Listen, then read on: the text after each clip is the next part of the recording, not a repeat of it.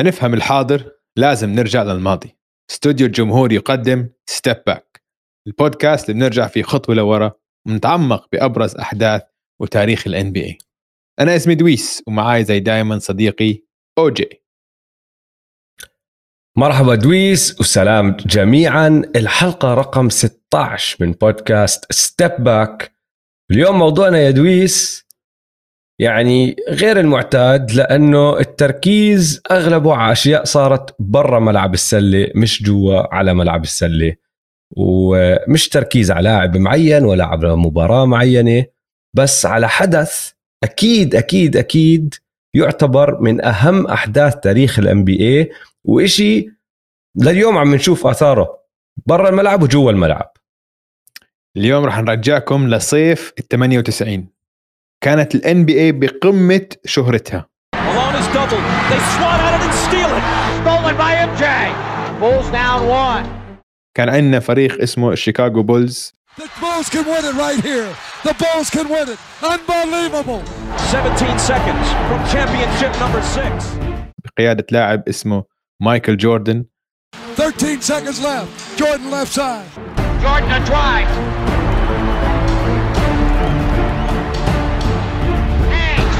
Fires. Yes! The Bulls lead 87-86. Michael Jordan with 45 points. مسيطرين غالبين ست بطولات بآخر ثمان سنين The Chicago Bulls have won their sixth NBA championship. أكثر داينستي مسيطر على الدوري من أيام بيل راسل ال NBA كانت بقمة قمة شهرتها ولكن كان في عدة عوامل اللي عم بتهدد مستقبل الدوري. أولا كان ممكن احتمال مايكل جوردن أشهر لاعب بالعالم يعتزل?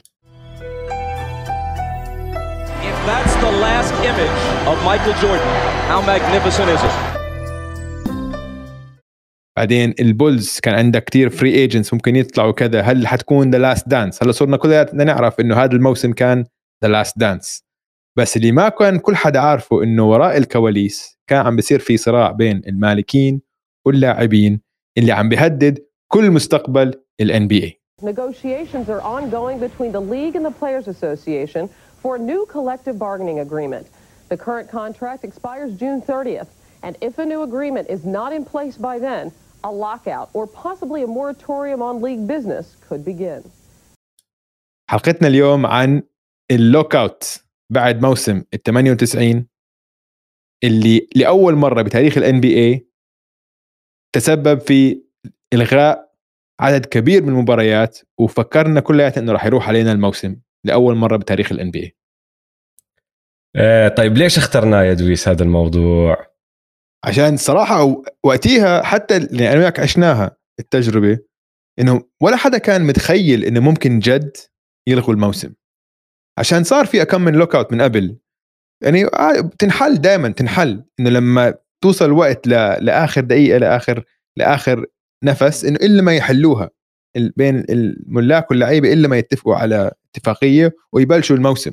كل مرة هيك صار ورح نحكي عن الأحداث ال- آه، المعينة بالضبط اللي صارت. بس هالمرة ما صارت. هالمرة الموسم اجى شهر عشرة كان يبلش الموسم دائما بآخر شهر عشرة اكتوبر 31 جينا أكتوبر 31 وفيش اتفاقية مش بس فيش اتفاقية ولا حتى المفاوضات كانوا مطولين. كان اللعيبه لسه ما عم بتدربوا. كان ممنوع في اتصال بين اللعيبة وبين فرقهم فولا حتى عم بيروحوا بتدربوا مع فريقهم. ووقتيها كان لسه الإنترنت مش زي اليوم فالإعلام كان كتير منحاز للمالكين. ما كان عندك social media فكان صوت اللعيبة مش مسموع. وكان الناريتيف كان ال- الحكي بالإعلام كله سلبي اتجاه اللعيبة وإن هدول لعيبه طماعين وكله على جهة ال- المالكين اللي هم والغريب يعني والناس يعني كانت تسمع لل للإعلام التقليدي. عشان ما عندك بس غير قناتين ثلاثة مثلا يمكن أكثر شوي يعني بس ال ال كثير كانوا متحكم باللي النص اللي عم بنبث لكل الناس.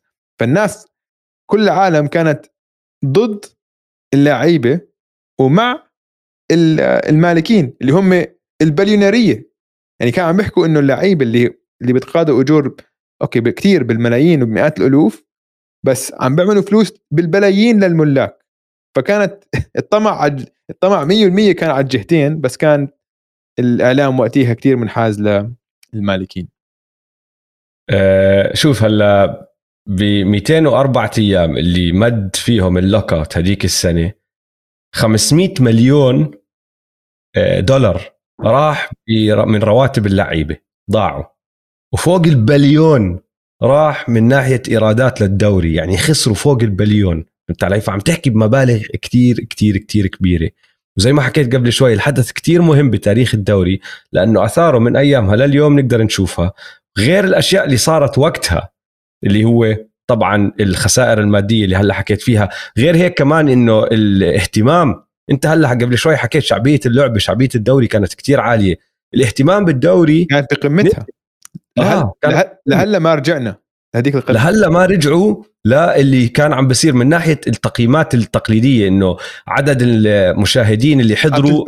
مباريات النهائيات على سبيل المثال. وآخر مباراة لجوردن ال game 6 the shot ما عمرنا قربنا. لليوم هاي أعلى تقييم من ناحية مشاهدين أو أعلى أعداد من ناحية مشاهدين حضروا مباراة بال finals بال NBA finals ما قربنا عليها من أيامها. فأنت نعم. عم تحكي إنه شعبية اللعبة كانت كتير عالية ومرة واحدة صار هذا ال lockout سمع اللعيبة سمع الغير لعيبة الناس اللي بتشتغل حوالين الدوري كلها أكلت ضرب وصفى ال- ال- الجمهور يعني مش مهتم كتير. خلص إنه بدناش مش مهتمين باللعبة الاهتمام نزل وحتى لما رجع الدوري حتى لما رجع الموسم رجع واللي بيبيعوه ال NBA إيش يا دويس؟ شو هو ال product تبعهم؟ السلعة اللي بيبيعوها. الترفيه. الترفيه بس. أي نوع ترفيه؟ كرة سلة. سلة. آه طبعا. المباريات اللي على الملعب. والمباريات لما رجعت كانت كارثية. كارثية كارثية. أسوأ أسوأ مباريات شافهم الدوري من كتير أيام. وأنا بحكي لك إياها بدون أي شك. هذا الموسم اللي هو 98 99 بس خلينا نحكي 99 لأنه ما لعبوا ولا مباراة بال 98 هذاك الموسم بدل الموسم بشهر اثنين. موسم ال 99 كان أسوأ موسم بتاريخ الدوري. بدون أي شك بدون أي شك بدون أي شك ومشان هيك برجع بعيد من أهم أحداث تاريخ ال NBA ومشان هيك اخترنا الموضوع. بس زي دايما قبل ما ندخل بال lockout نفسه والموسم نفسه بدنا نرجع شوي لورا. ماشي؟ وبدنا نسأل سؤال. شو هو ال lockout؟ الإغلاق العمالي. لما العمال وأصحاب الشركات يدقوا ببعض وهذا بصير بكثير مجالات ما عم بحكي بس بالسلة. لما يدقوا ببعض الطرفين هدول على مواضيع شغل عقود إيش ما تكون وتسكر الدنيا هذا اسمه إغلاق عمالي اسمه لوك أوت. بعالم الام بي اي الطرف الأول اللي هو ملاك ال- ال- الفرق وإدارة الدوري. والطرف الثاني هو اللعيبه اللي بمثالنا هذا هم العمال. فلما يصير في لوك اوت هدول الطرفين بدقوا ببعض وخلص بسكر الشغل.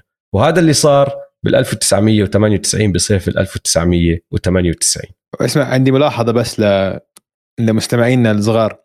أيام زمان مش كثير زمان يعني حتى ببلادنا العربية كان في نقابات. ونقابات لهم وزن ونقابات كانوا مهمين لحفاظ حقوق العمال. إنه كان إذا أنت مثلا شوفير باص تتحد أنت وشوفيرية الباصات كلها الثانية وأنتم بتتفاوضوا كجهة واحدة. هيك أكيد عندكم وزن أكثر من مفاوضات من لو أنت بتروح تتفاوض لحالك.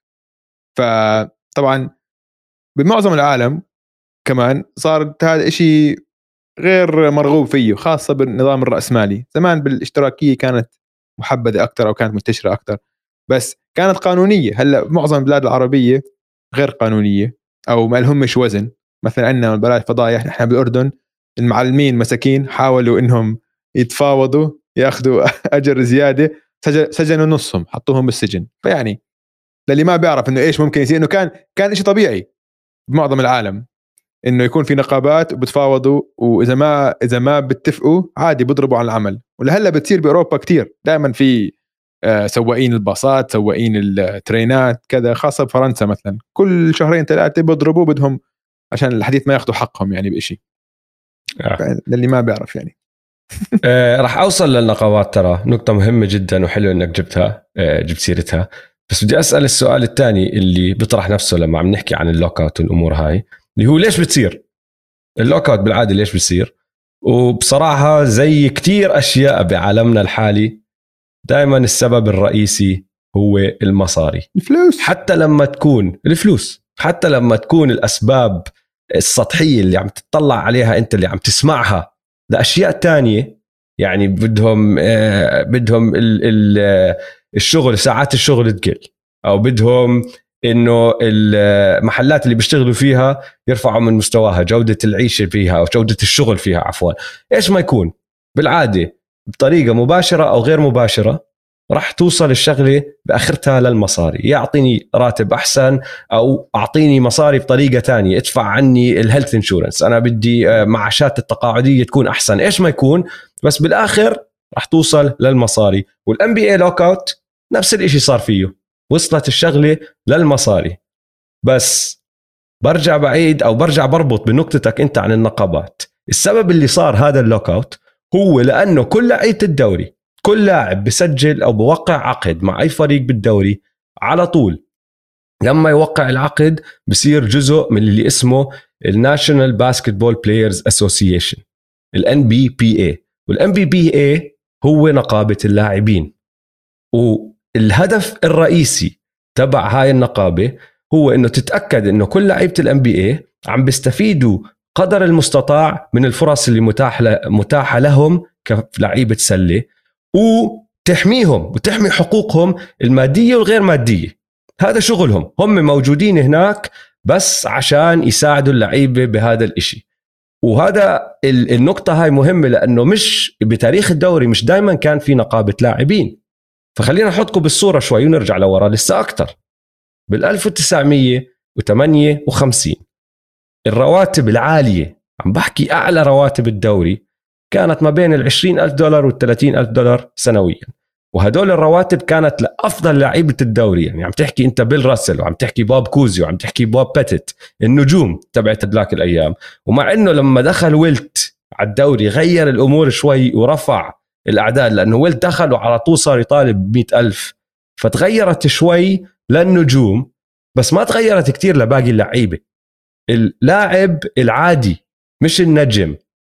ال role player بالدوري أيامها كان عادي جدا يكون راتبه تقريبا 8000 دولار بالسنة. بدون ما يكون عنده أي تأمين صحي أو أي بدل مواصلات أو إيش ما تكون. كانوا يدفعوا له ال 8000 ويطلبوا منه إنه تعال إلعب معنا ولف الدنيا كلها. وكمان يعني اللي كان يجيهم كلعيبه كان كتير سيء. ما كانوا يديروا بالهم عليهم. اولا ما كان في طيارات خاصة اللي بيطيروا فيها. ما كان في طيارات بأغلب الأحيان ترى. كانوا يطلعوا بالباصات ويطلعوا بالقطارات. قطار رايح من هون لهناك القطار رايح من هناك لهون. يركبوا باص يروحوا على هاي المدينة بعدين من هاي المدينة على هذيك المدينة بالباص. ودائما هم اللي حاملين كل الشناتي تبعتهم. إذا راح عليهم باص راحت عليهم المباراة. لاقوني بالمدينة اللي بعدها. إذا انصابوا كثير من الفرق ما كانت تدفع عنهم إشي. خلص. انت دبر حالك. علي؟ فالأجواء اللي كانوا عايشين فيها ما كانت منيحة لهم فبوب كوزي بآخر الخمسينات اللي كان من أحسن وأفضل وأشهر لعيبة ال NBA وزنه وكلمته لهم وزن آه، هو آه، حكي وكلامه له وزن قرر إنه بده يغير هذا الإشي وقال لك أنا راح أبدأ نقابة. وبدأ يشتغل على هاي الشغلة ومن وراه صار في ال NB NBPA ال National Basketball Players Association اللي هي كانت أول نقابة لأي دوري محترف بأمريكا الشمالية.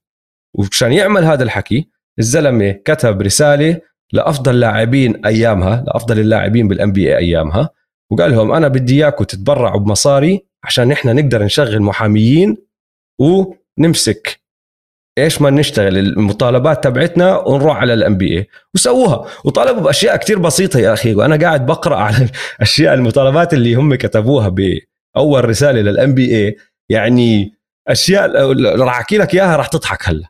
إنه على سبيل المثال كان بدهم إنه لما اللاعب يظهر بأي محل آه، علني إنه مع الفريق غير ال media availability غير المؤتمرات الصحفية اللي بعد وقبل المباريات أو أي شيء دخله ب charity events إنه جمعيات الخيرية. بس غير هيك إذا أنت أخذتني ك لا أنا أنا الفريق على سبيل المثال موقع عقد رعاية مع آه، محل سيارات وبدك اللاعب يروح يوقف هناك ويتصور زي ما كانوا يعملوا كتير طالبوا ب 25 دولار لكل ظهور فقط. واو. مش هالإشي يعني. يقول لك بس ادفع لي 25 دولار. طالب إنه الأندية ال- ال- الأندية اللي موجودة بالدوري تدفع حق المواصلات والتنقل من محل لمحل لما اللاعب يتم المتاجرة فيه. إنه تخيل كيف كانت. إنه أنا بتاجر فيك أنا أنت اليوم تلعب مع ال Boston Celtics ثاني يوم صفيت تلعب مع ال Los Angeles Lakers. دبر حالك.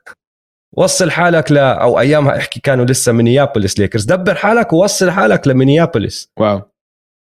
فقال لك لا يا إخوان إذا تاجرتوا فيه ادفعوا لي. إنه ساعدوني أوصل لهناك. يا زلمة غير هيك بقول لك قال طالب إنه آه، عقود اللاعبين تصير تندفع ب 10 دفعات بدل 12 دفعة. ليش؟ عشان إذا تم فسخ عقد لاعب يكون اجاه شوي أكثر من العقد تبعه. يعني مطالبات كتير سخيفة كتير سخيفة كتير سخيفة. بس أيامها كانت مهمة للعيبة. الدوري طبعا طبعا سمع من هون طلع من هون. قال لك انسى مش فارقة معنا انت ولا فارقة معنا اللعيبة. فمع إنه صار في هالنقابة ما كان لهم وزن وما عم بيطلع منهم إشي. لسنة ال 1964 بسنة ال 1964 اللعيبة قرروا يجتمعوا مع بعض وقالوا لك لهون وبس.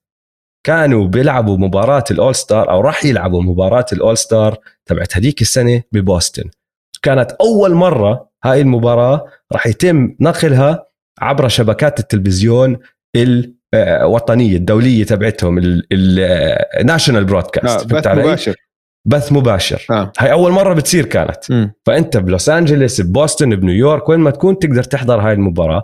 وال NBA طبعا متحمس كتير على هذا الإشي إنه أوف رح نحن نكون على التلفزيون الناس رح تحضر شو هالترويج شو هالتسويق إشي رائع اشتغلوا على هذا الإشي لفترة كتير طويلة. وصلوا على بوسطن اللعيبة قعدوا بالأوتيل كلهم اتفقوا مع بعض بدناش نلعب. لا أنتوا تعطونا اللي نحن بدنا إياه مش طالعين من الأوتيل. وراحوا زبطوا آه، شوية آه، أفراد شرطة كانوا off duty officers قالوا لهم ما حدا بدخل على غرفتنا بدهم يحكوا معنا برنوا على التليفون اجتمعوا بالغرفة واستنوا هالتليفون. طبعا ال NBA شاف الكارثة. اللي راح تصير أوف. قالوا لك لا استنى لهون وبس. رنوا عليهم. قالوا لهم بدون هالمقاطعة يا جماعة مشان الله تعالوا العبوا. ولأنه شايفين إنه في كارثة راح تصير من وراء ال TV broadcast وافقوا على كل شيء والمباراة صارت بس بدت متأخرة 15 دقيقة والنقابة من يوميتها خلص إنه ربحوا أول زي ما تحكي معركة ضد الام بي اي. صار في لهم وزن. خلص صاروا يسمعوا لهم. بس لل20 سنة اللي بعدها ما مش كتير عملوا أشياء يعني موجودين وبيهتموا بأشياء بسيطة هون هناك بس ما عم بدقوا ببعض الطرفين ما عم بصير كتير إشي. لو وصلوا سنة ال 1983 وبسنة ال 83 اللي صار إنه الدوري كان ماكل هوا. ماكل هوا. ال- المخدرات بالسبعينات مدمر اللعيبة. الحضور الجماهيري واطي جدا. الأندية عم بتفلس. ما في نجوم ساطعة كبيرة عم ترفع الدوري وبتشيله. يعني مين أكبر نجم ممكن أيامها كريم؟ وهلا هلا كانوا داخلين على الدوري ماجيك ولاري بيرد. فهمت. علي؟ بس إنه العقد كله هداك العشر سنين اللي قبلها كانوا كارثة. آه. فإيش سووا اللعيبة مع الادارات النقابه اللي هم اللعيبة مع إدارات الفرق والملاك الفرق وإدارة ال NBA نفسهم؟ قرروا يوقعوا على شيء اسمه the collective bargaining agreement وأي حدا بتابع ال NBA 100% سامع عن ال collective bargaining agreement اللي هو ال CBA بسموه اتفاقية العمل المشتركة. وهاي الاتف- الاتفاقية عقد بين اللعيبة ونقابة اللعيبة والدوري على حقوقهم. شو بتقدر تسوي وما بتقدر تسوي. وبدون أي شك أهم عقد بالدوري كله هو ال CBA هو ال CBA ما في أي شك فيش إشي تاني فيش أي ورقة تانية إلها أهمية قد هاي الورقة. هاي الاتفاقية هي أساس الشغل اللي بيشتغلوه هي أساس كل شيء نحن بنشوفه على الملعب. فبال 83 وقعوا أول نسخة منها بين اللعيبة بين نقابة اللعيبة والدوري وكانت أول اتفاقية عمل مشتركة بالرياضات الكبيرة ب North America اللي بسموهم ال Big Four الدوريات الأربعة الكبيرة ب North America. وبعدين مع ظهور ماجيك وبيرد والعدائيه بيناتهم أو ال rivalry اللي بيناتهم وطبعا صعود جوردن وكل هالأمور هاي. والأشياء اللي حطوها بهاي الاتفاقية الدوري تزبط وشوي شوي صار يطلع وشوي شوي صارت تدخل عليه المصاري الرواتب بدأت تزيد كل إشي تمام. بس زي ما حكاها صديقنا يا دويس Biggie Smalls the Notorious B.I.G. شو قال لك مرة؟ mo money mo problems mo money mo problems دخلت المصاري على الموضوع وبدت شوي شوي تخرب. وبال 95 أو لحد ال 95 كان ال NBA الدوري الوحيد الكبير بأمريكا الشمالية اللي ما عمره تم آه، إيقافه أو راح عليه مباريات من وراء منازعات عمالية اللي هو lockouts علي؟ كانوا لاعبين كل مباراة ما عمرهم راح عليهم مباراة من وراء هذا السبب. بال 95 صار أول lockout بتاريخ ال NBA انتهت ال CBA تبعتهم هذيك السنة ما اتفقوا على ال CBA جديد بس اتفقوا عليها بسرعة إنه اشتغلوا تفاوضوا الجهتين الطرفين اتفقوا إنه okay هذا اللي بدنا إياه. قعدوا بال lockout ثلاث أشهر بس كلهم بالصيف. فلما رجع الدوري رجع بتوقيته العادي. بال 96 صار كمان lockout بس هذا ال lockout كان صغير كتير ثلاث ساعات انحل والتنين طبعا ال lockout ال 95 وال 96 حوالين المصاري. بال lockout الأول كانت القصة إنه آه، عقود اللاعبين الأحرار ورواتب اللعيبة هي المشكلة وعم بتفاوضوا فيها وكل هالأمور هاي. بال lockout الثاني تبع ال 96 كانوا موقعين ال NBA عقد بث مع شبكه شبكات تلفزيون كبيرة عم بتدخل عليهم مصاري دقوا ببعض على كيف بدهم يقسموا هالمصاري بيناتهم. بس كمان بثلاث ساعات اتفقوا وقعوا وكملوا.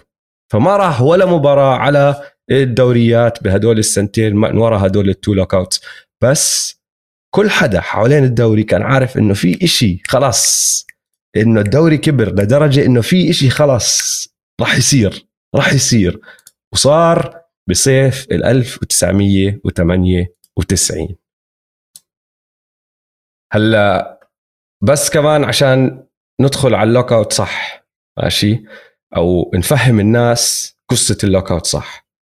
الملاك كان عندهم بند بسمح لهم يرجعوا يتفاوضوا على ال CBA بربيع ال 98 هو ال CBA تبعهم بخلص ب 1 7 1998 بس المفاوضات تقدر ترجع تفتحها أنت بالربيع.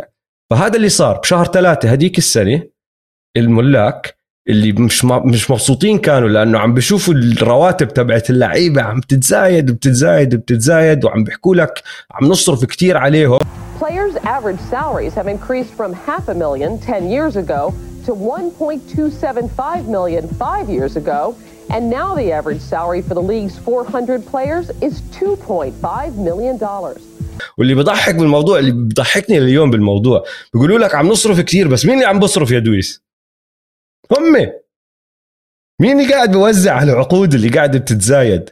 هم بين بعض فهمت علي؟ م. بس مش عاجبهم فالملاك وقتها قالوا لك لا ما بزبط نحن بدنا نرجع نتفاوض ونناقش بهذا السي بي اي وطلبوا سقف رواتب وكمان أو بدهم يعدلوا سقف الرواتب لأنه كان في واحد بس مش حاب مش حابينه وكمان طالبوا بشغلة تانية اللي هو حد أقصى للرواتب الفردية لكل لاعب. اللي هلأ شو بنسميه الكاب. لا الماكس. الماكس. الماكس كونتراكت يعني عليك الماكس. The current collective bargaining agreement has a salary cap, but it includes the Larry Bird exception, which allows teams to pay their own free agents any sum of money regardless of the cap. For example, Michael Jordan and his $33 million one-year contract.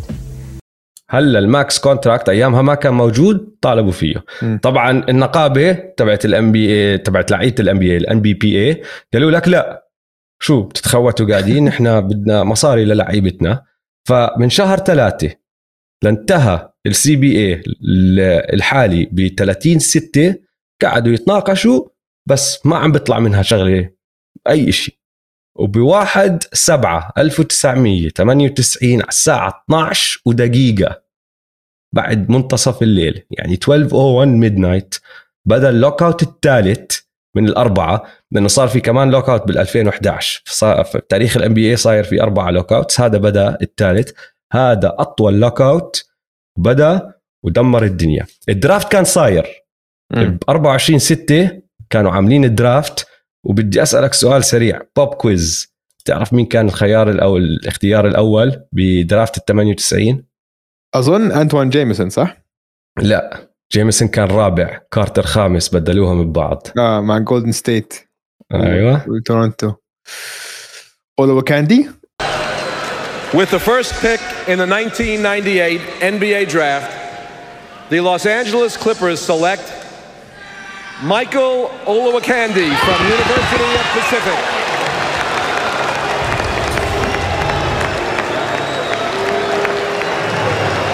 يا عيني عليك عمي. مايكل اولوا كاندي النيجيري البست اللي اه بيج باست اخذوه الكليبرز كان كارثه المهم أخذوه آه، بال- بال draft الكليبرز وال draft صار زي ما هو بس بعدين بعدها بأسبوع بالضبط فب 24 6 حكينا كان ال draft بواحد سبعة سكرت الدنيا. صار في lockout بطل في آه، سوق آه، لاعبين بطل في سوق انتقالات سكرت. ما في trades ما في summer camps ما في دوريات الصيف بفيغاس والدنيا اللي كانت تصير. ما في حتى المعسكرات التدريبية. ممنوع ما في يتدربوا أي شيء ممنوع يدربوا ممنوع يدخلوا على الفرق ممنوع يدخلوا على مباني الفرق. بالضبط. الأندية مسكرة. يعني فيش ممنوع تروح تدرب. النادي مسكر. إنه lock ممنوع تحكي كلمة lock مع out مدربك. كلمة lockout إنه إغلاق. إنه جد صار في إغلاق حتى physical يعني. صار في إغلاق. إنه جد تقدرش تروح تشوف فريقك والمدرب تبعك والإدارة ولا إشي. انتهت. وقفت الدنيا. وقفت الدنيا. تخيل حالك rookie تخيل حالك rookie انت داخل على الدوري هذيك السنة. احكي هلا تم اختيارك؟ أحلى يوم بحياتك بعدها بأسبوع تقدرش تحكي مع فريقك الجديد. راح أحكي سوي لك شو صار. مع آه بعدين بفقره ثانية راح أحكي لك شو صار مع فينس كارتر. حلو. صار بفينس كارتر ك rookie. فبدا ال lockout وطبعا زي ما حكينا الطرفين اللي قاعدين بدقوا ببعض كانوا ال NBA إدارة ال NBA اللي كان ممثلها المفوض تبع الرابطة اللي هو ديفيد ستيرن وبالجهه الثانية وطبعا ديفيد ستيرن مش بس الممثل تبع ال NBA ممثل الملاك. فهو على جهة هون. وعندك على الجهة الثانية ال NBPA اللي كان في عندهم ممثلين مباشرين إنه أساميهم موجودة على اللي هو لائحة الموظفين تبعون ال NBPA وعندهم ممثل غير مباشر. المباشرين كانوا واحد اسمه بيلي هانتر كان لاعب NFL سابق صار محامي جابوه يصير ال director تبع ال NBPA وكان باتريك يوينج نفسه اللاعب اللي هو كان رئيس ال NBPA فهدول الاثنين كانوا قيادة ال NBPA وباتريك يوينج معه لجنة فيها 19 لاعب NBA عم بيساعدوه. فهدول الممثلين الرئيسيين لهاي الجهة. بس كمان كان في عندك واحد اسمه ديفيد فولك ديفيد فولك كان super agent. وكيل أعمال بمثل باتريك ايوينج بمثل كمان تسع لعيبة غير ايوينج باللجنة هاي اللي أنا عم بحكي عنها. وغير هيك بمثل مين؟ مايكل جوردن طبعا. مايكل جوردن. يعني زي بيمثل- زي ريتش بول آه. حاليا. زي ريتش بول أقوى حتى. ولسه أقوى عشان أقوى آه. أظن. عشان هلا مثلا ريتش بول مع كلتش عندك CAA كمان. لا هذا. يعني فريتش بول هذاك كان ما فيش هذاك كان هو الكل بالكل. ما فيش كان كل ال top 10 players عنده كانت. آه وشغلته بالموضوع كلها هيك غريبة عجيبة لأنه هو كتير معروف كان وكتير عنده قوة بال NBA يعني الناس كانت تحكي إنه the third most powerful person non player who كان the most powerful non player in the league هيك. بيحكوا له the third most powerful person in the league يعني عندك أنت MJ أكيد وعندك ستيرن أكيد بعدين بيجي هو فهمت. علي؟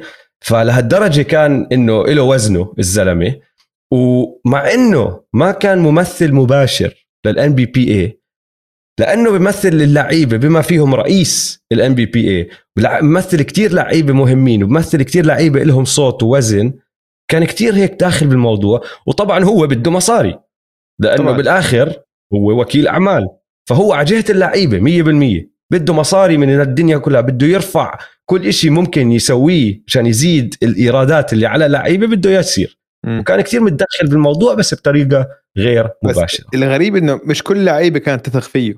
فهمت علي؟ عشان شايفينه عارفينه شخصية قوية.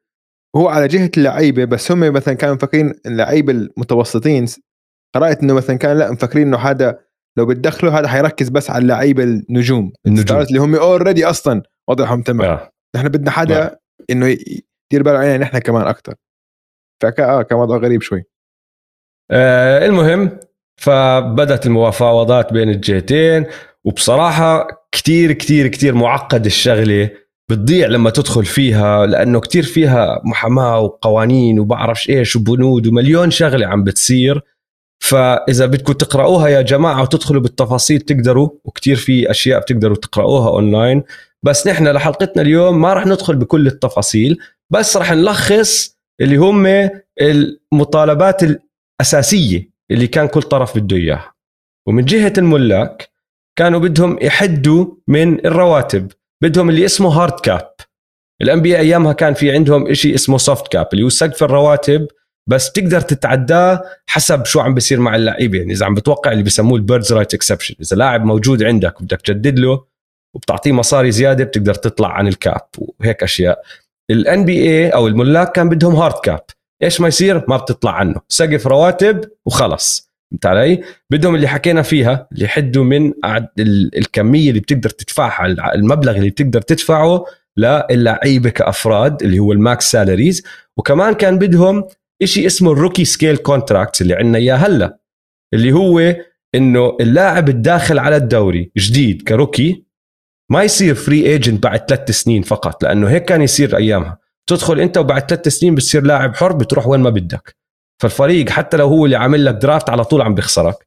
وكان بدهم إنه المبالغ اللي بتدفعها لل rookies تكون محدودة وبتطلع حسب إيش أنت موقف آه، موقعك بال draft. The current agreement also includes a rookie salary scale that restricts a player's earnings his first three years in the league. But rather than control players' salaries, the system has led to record contracts, including the $126 million deal to the Timberwolves' Kevin Garnett. فهذا هاي كانت المتطلبات الأصلية. وغير هيك اللي الشيء اللي بيضحكني أنا كتير إنه طلبوا إنه اللعيبة آه، ما يسمحوا لهم يدخنوا آه، حشيش ماريوانا. هاي كانت واحدة من المتطلبات المطالبات. لأنه شكلها كثير عم تصير كانت أيامها بالدوري. والثانيه قال إنه ما ياخذوا بي اي ديز ستيرويدز منشطات. هاي بضحك سماواتي كتير يعني إنه جد هاي من المطالبات إنه الدوري كتير فيه مشاكل إذا أنت هذا الإشي اللي قاعد تطلب فيه. فهاي كانت من جهة الملاك. من الجهة الثانية طبعا النقابة ضد كل هدول الأشياء وبدهم يرفعوا غير هيك اللي هو ال minimum salary اللي هو أوطى الرواتب للعيبه اللي بتدخل على ال NBA وراح تاخذ اوطى أوطى راتب. هذا أوطى راتب يكون حده أعلى شوي. زائد بدهم التقاعد يكون أحسن والتأمين الصحي يكون أحسن. فدقوا ببعض. ودقوا ببعض ورا ال- ال- الإعلام وقدام الإعلام. يعني كانوا يدخلوا يدقوا ببعض وبيحكوا لك ديفيد ستيرن أيامها كتير تقرأ مقابلات. الزلمة كان يصيح كتير ويخوف الناس ويهدد. يعني بولي. فهمت علي؟ بس كمان بيعرف يلعب لعبة ال PR وحرب ال PR كانت رائعة. وقرأت مقولة نسيت مين حكاها بس قرأتها وحبيتها كتير. بقول لك واحد It's hard to win any PR battle when you're talking about a fight between millionaires and billionaires. طبعا. فصعب يا زلمة أنت عم تلعب حرب ال PR هاي تبعت الحرب العلاقات العامة تبعتك لعامة الشعب. بس على جهة عندك بليونيريه على جهة عندك مليونيرية وبعدين المسكين اللي راتبه 30 ألف اللي هو المشجع الجمهور قاعد بتطلع عليهم بيحكوا يا أخي مش فاهم هدول التنين شو مالهم ليش بدقوا ببعض هيك؟ بس جهة البليونيريه اللي هي جهة ال NBA ربحوا حرب ال PR زي ما أنت حكيت ببداية الحلقة لأنه كمان لو تفكر فيها يا أخي هدول يعني ديفيد ستيرن محامي ومحامي جاي من آه، شركة محاماة رائعة كانت بنيويورك من أكبر الشركات وإلها اسم وكل هالأمور هاي. الملاك businessman بعدين على الجهة الثانية عندك اللعيبة اللي هلا صاروا بليونيريه مليونيرية عفوا مش بليونيرية مليونيرية. هلا دخلوا على الدوري. أغلبهم ما كملوا جامعة. مم. أغلبهم بأول العشرينات وبنص العشرينات أعمارهم لسه صغار. وجايين من خلفيات متواضعة كتير. ما عندهم النفوذ ما عندهم العلاقات. أنت البليونيريه عندك العلاقات مع كل الشركات. أكيد عندك واحد صاحبك له شركة علاقات عامة. أكيد عندك آه، شركة صاحبك كمان واحد من اصحابك كمان بي- بيشتغل بالتلفزيون. يعني عندك نفوذ وعلاقات تقدر تحط اللي بدك إياه في الإعلام. وقبليها قبل ال social media ما كان في بس يطلع اللاعب يسجل سيلفي ويحكي لك شو شو شو عباله فهمت علي؟ فكانت إنه ما, ما كانش في كانت ما كانتش معركة كانت بس من جهة واحدة. اكتساح. اكتساح. وهدلاك وطبعا هدلاك لما يحكوا مساكين كانوا يخبصوا. فهمت علي؟ كانوا يخبصوا تخبيص. ف... إيش في قصص لما كانوا يخبصوا؟ يعني كيني أندرسون. كان أيامها يلعب مع البوستن سيلتكس طلع بالنيويورك تايمز مقال عنه وبقول لك يعني كيف هو مستصعب الحياة بدون راتب وهيك. أحكي لك يعني بصراحة أظن راح أبيع واحدة من الثمان سيارات اللي باسمي. ما أظن بحتاجهم كلهم. يعني ببيع المرسيدس. فالناس لما تسمع هيك أشياء إنه ما راح تشفق عليه. إنه مين أنت يا زلمة؟ ليش ما- قاعد تحكي هيك حكي؟ يعني طبعا حتى مثلا لما يحكي هاي يمكن في سياق الموضوع لما كان عم بيحكي مع ال... مع الصحفي يمكن ما كان قصده هيك. فهمت علي؟ بس حكى هاي الجملة. فممكن تتاخذ هاي الجملة وتنحط ب يعني فهمت علي؟ تقدر تصيغ الجملة. يعني عم تكتب مقال بصيغها بطريقة مختلفة كثير عن مثلا كيف هو كان قاصد عنها. فهمت علي؟ يمكن بالعكس يمكن كان هو عم بحكيها بسخرية. إنه لا ما نحن وضعنا تمام إنه إيش عندي ثمان سيارات ببيع المرسيدس فهمت علي؟ فممكن كان عم بحكيها هيك بس ممكن كمان الصحفي ياخذها ويعيد صياغتها عشان عنده أوامر إنه بدك تبين إنه اللعيبه طمعانين وإنهم غير آه. مثقفين ومش عارفين شو يعملوا بمصاريهم فهمت علي؟ ف آه كانت المعركة من جهة واحدة بس يعني مساكين هلا اسمع وصلنا شهر 12 1998 ومش شايفين نهاية للموضوع. فديفيد ستيرن شو قال لك؟ قال لك وطبعا رايح عليهم مباريات. يعني زي ما رجع زي برجع بعيد شيء حكيناه بأول حلقة. أول مرة بضيع على ال NBA مباريات من ورا lockout لما وصلوا شهر 12 ديفيد ستيرن قال لك اسمع نحن إذا وصلنا 7 واحد وما اتفقنا على شغلة الموسم راح يلتغي. وبالاشهر هدول اللي عم بتناقشوا يا أخي كثير أشياء غريبة صارت. يعني حاضر فيلم The Replacements كيانو ريفز آه تبع بتذكر ال football قصته تبع إيش؟ الفوتبول صح؟ تبع ال football آه. بتذكر شو كانت قصته؟ ناسي بالضبط بس إنه ال Jets لعيبه الفريق ال NFL ما راح يلعبوا أو لا صار في معركة بينهم وبين الملاك وبعدين لقوا ناس من الشوارع ويجي يلعبوا ذا ريبليسمنتس ريبليسمنت آه آه نفس الإشي هددوا فيه ملاك ال NBA لك اسمع. إذا إذا ما بدكم تلعبوا راح نجيب غيركم. فهمت علي؟ صاروا يهددوا فيها. هاي الشغلة هاي شغلة صارت. إنه الفيلم مش طالع من أي محل يا زلمة. مبني على الحقيقة هاي على التهديد هذا عملوا مباريات استعراضية. في مباراة عملوها باتريك ايوينج والونزو مورنينج وراحوا جابوا لموا فرقهم وحاولوا إنه يعملوها كمباراة كبيرة. تعالوا شوفوا لعيبة ال NBA فشلت فشل ذريع باعوا بس 5000 ticket والناس اللي حضرتها بتقول لك يا أخي مش عارفين يركضوا من فوق لتحت اللعيبة. فيش لياقة كلهم نصحانين ماكلين هوا.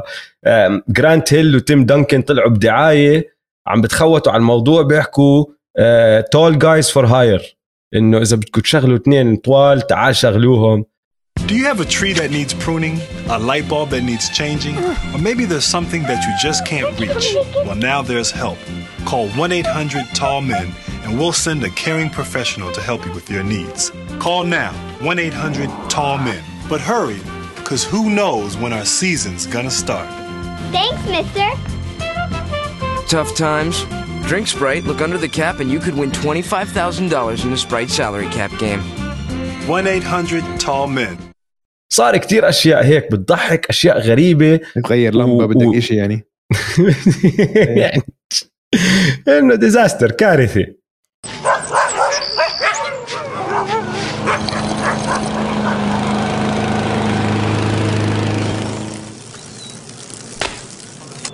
فمشي الموضوع وصلنا لخمسة واحد.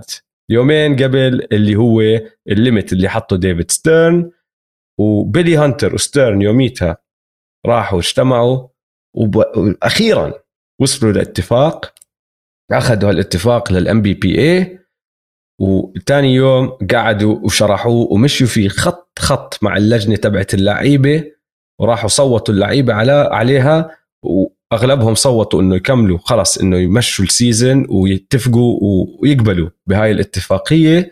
ويعني مش ولا واحد من الطرفين إجا كل اللي بده إياه. بس في أشياء صارت من وراء هاي الاتفاقية تبعت ال CBA الجديد أيامها لليوم بنشوفها. يعني ال luxury tax طلع من يوميتها اللي هي ضريبة اللي بيدفعوها الفرق لما يطلعوا فوق ال cap. هاي كانت شغلة مش موجودة قبلها موجودة حلها حاليا. ال max salary طبعا نحن حاليا لما نقعد نحكي هذا بيستاهل ال max وهذاك بيستاهل ال max ما كان في هيك إشي قبل ال 98 هلا صار. وخلص وقعوا و game on وخشينا سيدي العزيز بأسوأ موسم بتاريخ الدوري.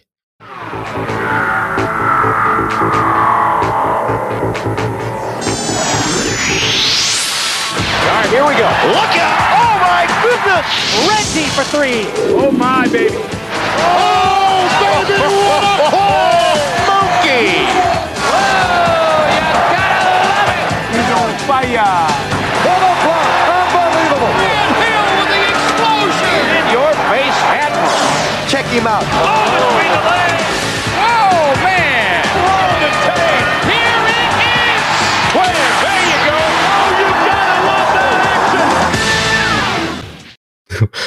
راح أعطيك أرقام وهالأمور هاي بس اللي بجن اللي جد بجنن لي راسي أكثر من الأرقام السرعة يا دويس اللي كل إشي صار فيها. آه. السرعة.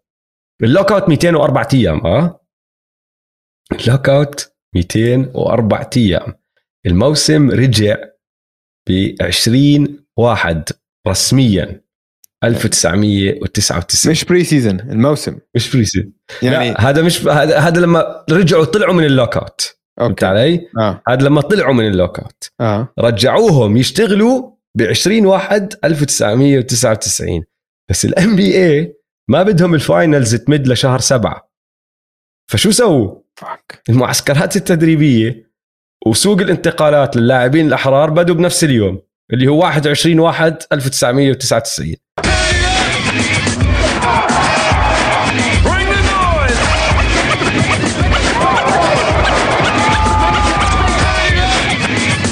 Under game conditions, the players fed off the crowd's enthusiasm and put on a good show. There were even a few plays worthy of making the highlight reel.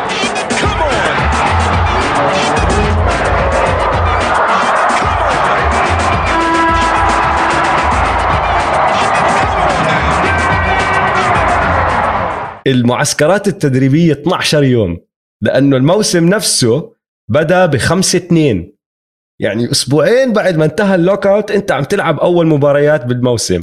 ويا أخي ال- الموسم 50 مباراة ب 90 ليلة. أوف. واو. 50 مباراة ب 90 ليلة. يعني back to backs إشي عادي. بالعكس يقولوا لك الثلاث مباريات بثلاث ليالي إشي طبيعي جدا. تلعب ثلاث مباريات بثلاث ليالي. وش يعني تخيل أنت جيل ال load تخيل جيل ال load management شو بصير فيه.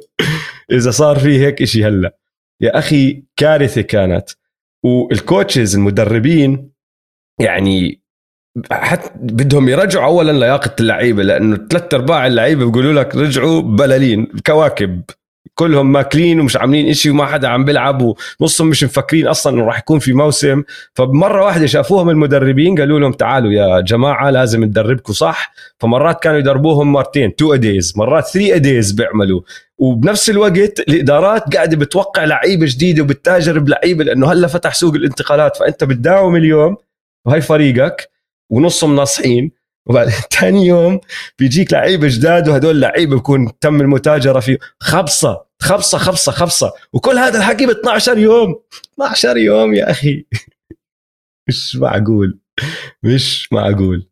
وبعدين بدا الموسم.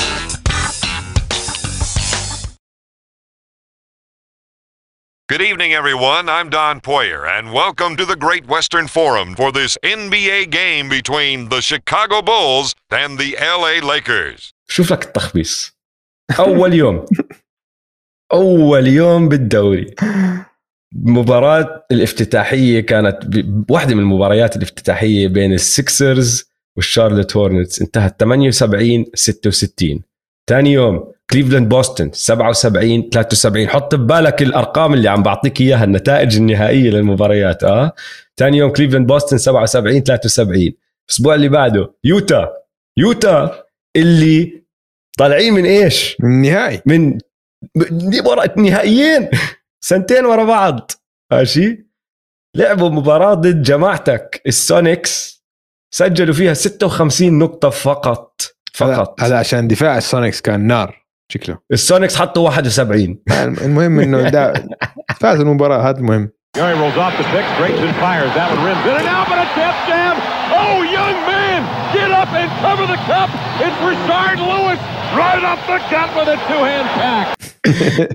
كان مالون قاد الفريق ب 15 نقطة. كان متصدر الهداف تبعهم. 4 of 13 shooting. The ball jabbed free on the miss. Stockton has it over to Malone for the angle. His jumper short. It's a dribble on the floor and back. Six in the shot clock. Turns middle. Stripped by Baker. سجلوا 21 من ال 68 محاولة اللي أخذوها بعدين عندك يا زلمة البولز هلا البولز على راسي وعيني طالع من عندهم جوردن طالع من عندهم سكوتي طالع من عندهم رودمان وطالع من عندهم فيل جاكسون ماشي بس بضلهم حامل ال- الفريق حامل اللقب آه بس كيف يعني مش نفس الفريق حامل اللقب ماشي بس يعني بضلهم البولز بضلهم البولز. سجل 63 نقطة بمباراة ضد النكس وبعدين. ب 10 4 ماشي. دخلوا التاريخ لما سجلوا 49 نقطة فقط بمباراة. انتهت 82 49 ضد الميامي هيتس. مباراة كاملة. مباراة كاملة. 48 دقيقة. ماشي. بالأن بي اي سجلوا فيها 49 نقطة. Lowest field goal percentage in the course of a game for this franchise. The Bulls, that is 26.1% back in 1975 against Philadelphia. The inbound stolen by Strickland. Perhaps fitting of the way things went in the second half of this ball game. And unfortunately for the Chicago Bulls and coach Tim Floyd, the Bulls have set a record for fewest points in the course of an NBA game since the uh, shot clock. Michael Jordan scored 50 points or more 37 times in his career, and here tonight the Bulls unable to match. مش معقول البيستنز مره سجلوا 64 بنفس اليوم السان انطونيو سبيرز غلبوهم 85 64 انه آه، وصلتوا 85 ما شاء الله الاتلانتا هوكس سجلوا 68 ضد البولز مره وكان الجمهور اللي عم بيحضرهم 8000 واحد ولما تقرأ المقابلات والأشياء اللي بيحكوها اللعيبة يقولوا لك إنه غير شغلة اللياقة اللي مش موجودة. لما يلعبوا ثالث مباراة إنه يدخلوا يلعبوا ثالث مباراة ثالث ليلة ال- التعب من رجليهم لإيديهم بأثر على التسديد تبعهم. مش عارفين يسددوا. تعبانين. أكيد أكيد man هلكانين أنت out of shape ما عندك training camp ما في preseason وصل لك 200 يوم ممنوع تتدرب مع فرق. ايامها ما كان مش زي هلا كان في trainers وكان كل حد بيشتغل على حاله وهيك. كان يمكن كم من لاعب بنعدوا على الأصابع اللي كانوا يتمرنوا خلال الصيف. قليل كان يتمرن يعني مايكل جوردن كان مجنون يتمرن خلال الصيف وبعديها صار هلا كثير لعيبة بيسووها. بس آه، كل واحد كان عايش حياته لحاله. مرتاح وكذا. بعدين مرة واحدة خلال أسبوعين تك تك تك ارجع ألعب ان بي اي جيم وأربع مباريات بالأسبوع خمس مباريات بالأسبوع. جنان. جنان جنان هلا بيلعبوا مباراتين ثلاثة بالكثير ف و... و... أربع خمس مباريات بمدن مختلفة. آه آه. أنت تخيل حالك ماشي غير إنك تعبان لأنك عم تلعب كل المباريات أنت عم تلعب بمدينة هاي الليلة. تطلع من الملعب بتركب باص الباص باخدك على المطار تسحب حالك وبتطلع بطيارة بتوصل على المدينة الثانية تركب باص بترجع على الأوتيل بتنام. تصحى بتروح تعمل ال shootaround تبعك. بتلعب مباراتك وبتعيد الكرة أربع خمس مرات بالأسبوع. كارثة. آه. كارثة اللي كان عم بيصير فيهم. المساكين ما بعرف كيف آه، تحملوها. ورحت طلعت لك أرقام يا دويس عشان أثبت لك احصائيا قديش كارثي كان هذا الموسم. تعرف أكمل مرة تسجل آه، 50 نقطة بمباراة هذيك السنة؟ من كتير. قبل لاعب واحد؟ آه لا من قبل لاعب واحد. آه. ولا مرة. ولا مرة. مم. ما وصلوا. ما كان في آه، خمسينية لو ولا لاعب. أقرب ناس على الخمسين كانوا جرانت هيل ألين آيفرسون وانطونيو ماكدايس. الثلاثة سجلوا 46 نقطة بمباريات. آيفرسون. بس ما حدا وصل ل 50 التسجيل معدل التسجيل كان نازل بفرق أربع نقاط من الموسم اللي قبله. لأنه كان معدل التسجيل للفرق 91.6 اللي هو أوطى معدل تسجيل بتاريخ ال NBA من أيام ما حطوا ال shot clock. قبل ال shot clock بالخمسينات كان الواحد يمسك الطابة يضل يدربل فبمر الوقت فكان في مباريات التسجيل فيها واطي. بعدين حطوا ال shot clock عشان يسرعوا اللعب. من لما حطوا ال shot clock لهديك السنة ما عمره انتهى موسم ومعدل تسجيل أوطى من هيك كان أوطى معدل تسجيل بالتاريخ ال pace سرعة اللعب. ماشي؟ المرة الوحيدة بتاريخ الدوري اللي نزل ال pace عن 90 88.9 لأنه مش حدا قادر هرولة يركض. هرولة. ما كان في sprint كانت هرولة يا شباب. رايحين جاي كانت هرول ال effective field goal percentage ماشي؟ أول مرة وآخ وآخر مرة بنزل تحت ال 47 من لما صار في 3 point shot لأنه 3 point shot بيرفع ال effective field goal percentage ما عمره نزل تحت ال 47 غير بهذا الموسم. ال free throw percentage نسبة التسديد من الرميات الحرة كان كانت أسوأ نسبة تسديد من سنة ال 1967 واحدة من أسوأ 20 سنة بتاريخ الدوري. ماشي؟ في عندك السنة هاي والباقي كلهم زمان كتير زمان لما ما حدا كان يعرف يسدد. إشي خيالي ال assist rate ال assist per game 20.7 معدل ال assist per game 20.7 اللي هو 10 اوطى assist rate أو assist per game معدل assist per game تاريخ الدوري وبس موسم من موسمين من لما صار في 3 point era الموسم الثاني اللي هو 2006 عز. كل واحد بيلعب لحاله ال superstardom اللي. بال bottom 10 كل موسم بالبوتم 10 كل موسم تحت بالعشرة الأسوأ بتاريخ الدوري صار يا بالأربعينات يا بالخمسينات غير ال 99 وال 2006 والتقييم الهجومي أو معدل التقييم الهجومي كان 102.2 وهذا السادس أسوأ تقييم هجومي أو معدل تقييم هجومي بتاريخ الدوري الباقي إمتى إجوا يا دويس؟ بال 75 بال 74 بال 76 بال 77 وبال 78 شو كان عم يصير بالدوري أيامها؟ الكوكين مخدرات. يعني عليك. كان عصر الكوكين يعني بالسبعينات كانت عاصفة كوكايينا عم تشمط الدوري يمين شمال فما حدا شايف الرم أصلا. وبعدين عندك موسم ال 99 كارثة. مهم. كارثة. كارثة. كارثة. برجع بعيد. إشي حكيناه ببداية الع- الحلقة. أسوأ موسم بتاريخ الدوري بدون أي شك. ما عندي أي شك إنه هذا أسوأ موسم. وال playoff مش كتير أحسن يعني. في فرق كتير كانوا ناس متوقعينهم إنه يكونوا من أحسن الفرق ما وصلوا ال playoff النتس ما وصلوا كانوا متوقعينهم إشي متوقعين منهم إشي منيح. البولز طبعا الحامل اللقب ما وصل. ولأول مرة من ال 91 ولا سلسلة وصلت سبع مباريات. ولأول مرة وآخر مرة بتاريخ ال NBA المصنف الثامن وصل لل finals اللي هو النيويورك نيكس. بدون افضل لاعب عندهم بنص ال playoff انصاب باتريك ايوينج كملوا على ال finals بدونه آه انصاب انصاب بالنهائيات القسم الشرقي آه بعد اول مباراتين Patrick Ewing continues to drag himself up and down the floor. Now, now you can see gingerly he's coming down. Now just watch. You, you see the pain right there. Now he has it in the knees. He has it in the thigh. We know that the Achilles is bothering him. Plus he also has a shoulder injury and the rib cage. بعدين فازوا أربعة من ثلاثة من آخر أربع مباريات وكان الفاينلز. المفروض كان فريق يوينج هو فهمت علي؟ إنه آه. كان آه آه ال- السبيرز الفريق الوحيد اللي دمر الكل ما خسر غير مباراتين بال playoffs أنهى سلسلتين بال sweeps وفازوا أول بطولة لحقبه Duncan و Pop و David Robinson خليها ببالك لأنه بدي أحكي فيها كمان شوي بس أسوأ موسم بتاريخ الدوري يا دويس بدون أي منازع ناخذ تايم اوت يلا تايم اوت ونرجع.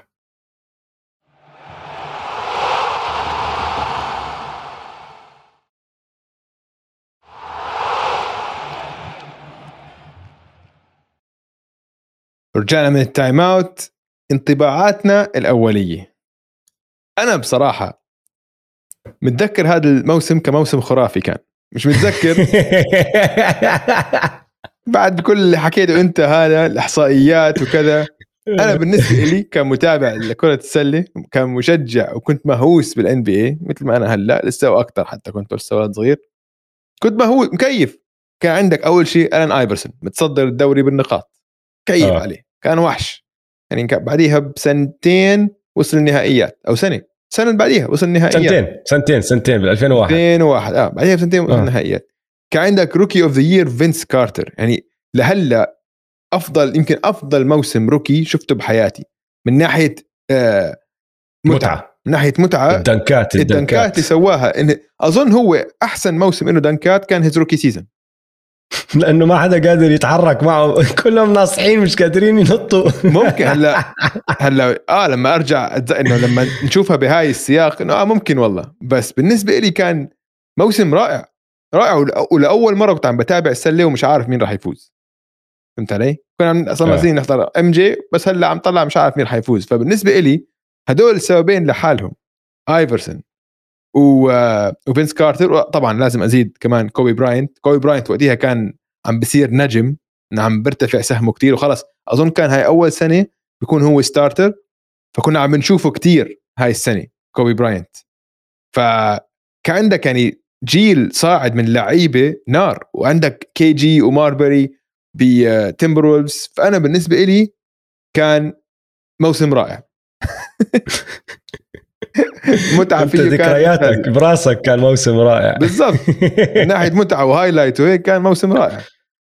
آه، أنا ال- الانطباعات الأولية المتأخرة تبعتي لأنه اسمع ترى أنا بتفق معك. لما لما قعدت أقرأ وهلأ بحبش ومنجهز للحلقة. أنا هلا بعرف قديش كان موسم سيء بس براسي ذكرياتي ما كانت سيئة من الموسم. لأنه زي ما أنت حكيت كنت متحمس إنه رجع الان بي اي تخيل أنت ولد صغير وانقطع منك كرة السلة الإشي اللي بتحضره بتكيف عليه كل حياتك ومرة واحدة انقطع. فأول ما يرجع أنت بدك أي شيء بس أعطوني ماشي؟ بس لما تقعد ترجع تحضر هايلايتس أو تقرأ وتشوف الأرقام وتشوف شو صار وصور اللعيبة وكل هالأمور هاي بخف عقلك إنه يا الله كان موسم سيء بس لأني أنا كنت طفل ما كانت فارقة معي أيامها وكنت مبسوط فيه. بس انطباعاتي الأولية الثانية. محلى الطفولة نعم. يا أوجي. طفولة. بريئة. بريئة ووضع بسيط. بس آه. نستمتع بالأشياء. ما بننتقد ما نطلع على الأشياء السلبية بس بنركز على الإيجابيات. الايجابية.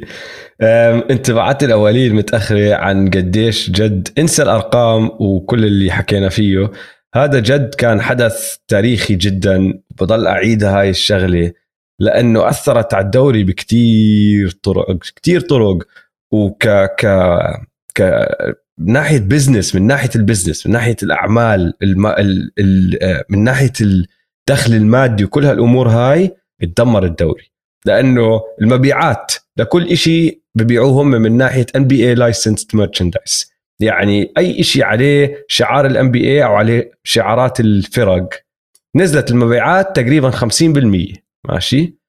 وأخذت وقت كتير لترجع تطلع.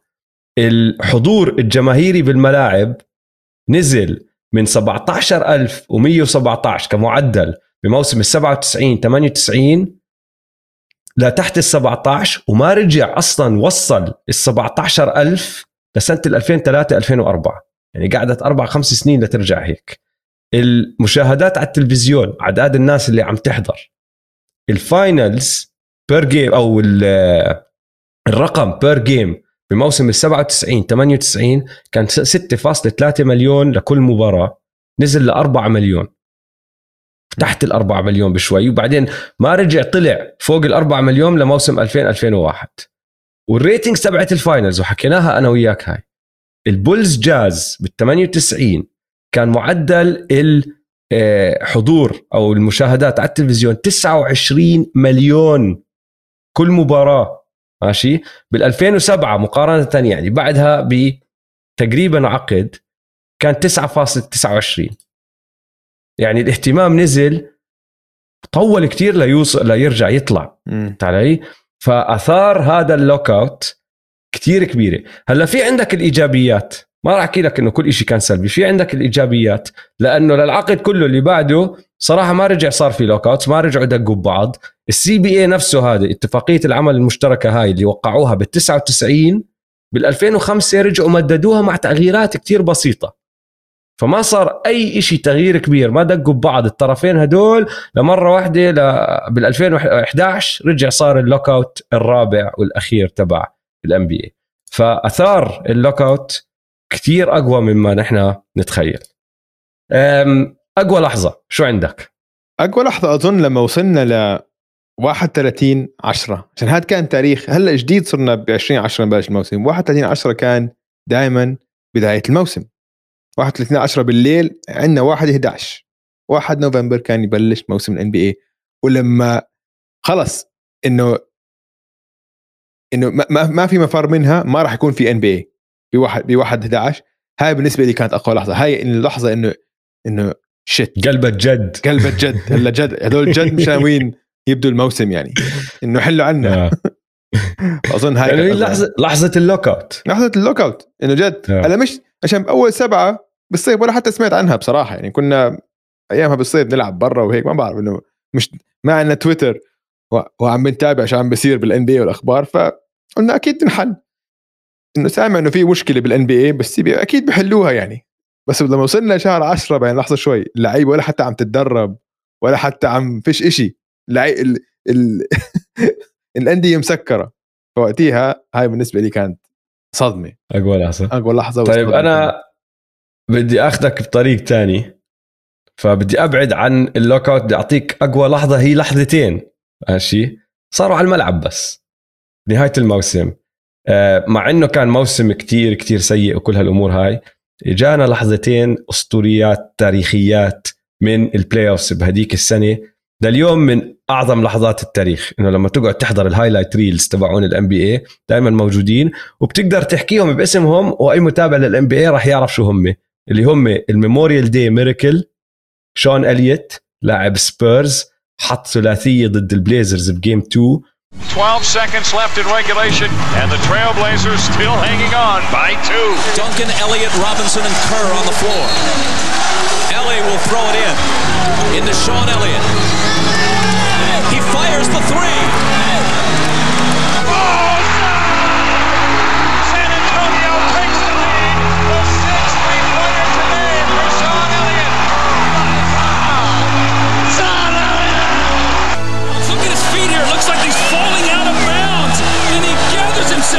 Heels actually are out of bounds, but they don't touch the line because they're off the ground.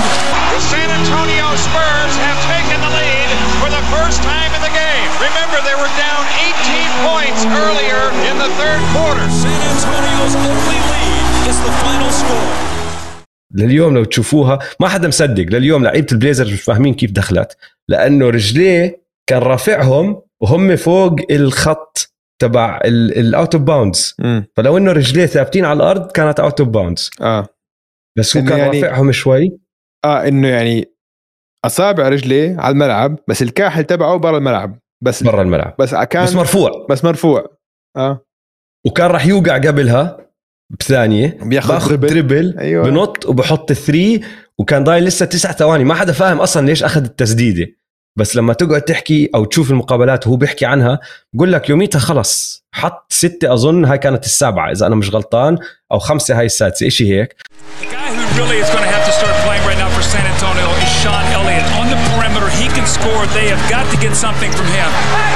Speak of the devil. There it is.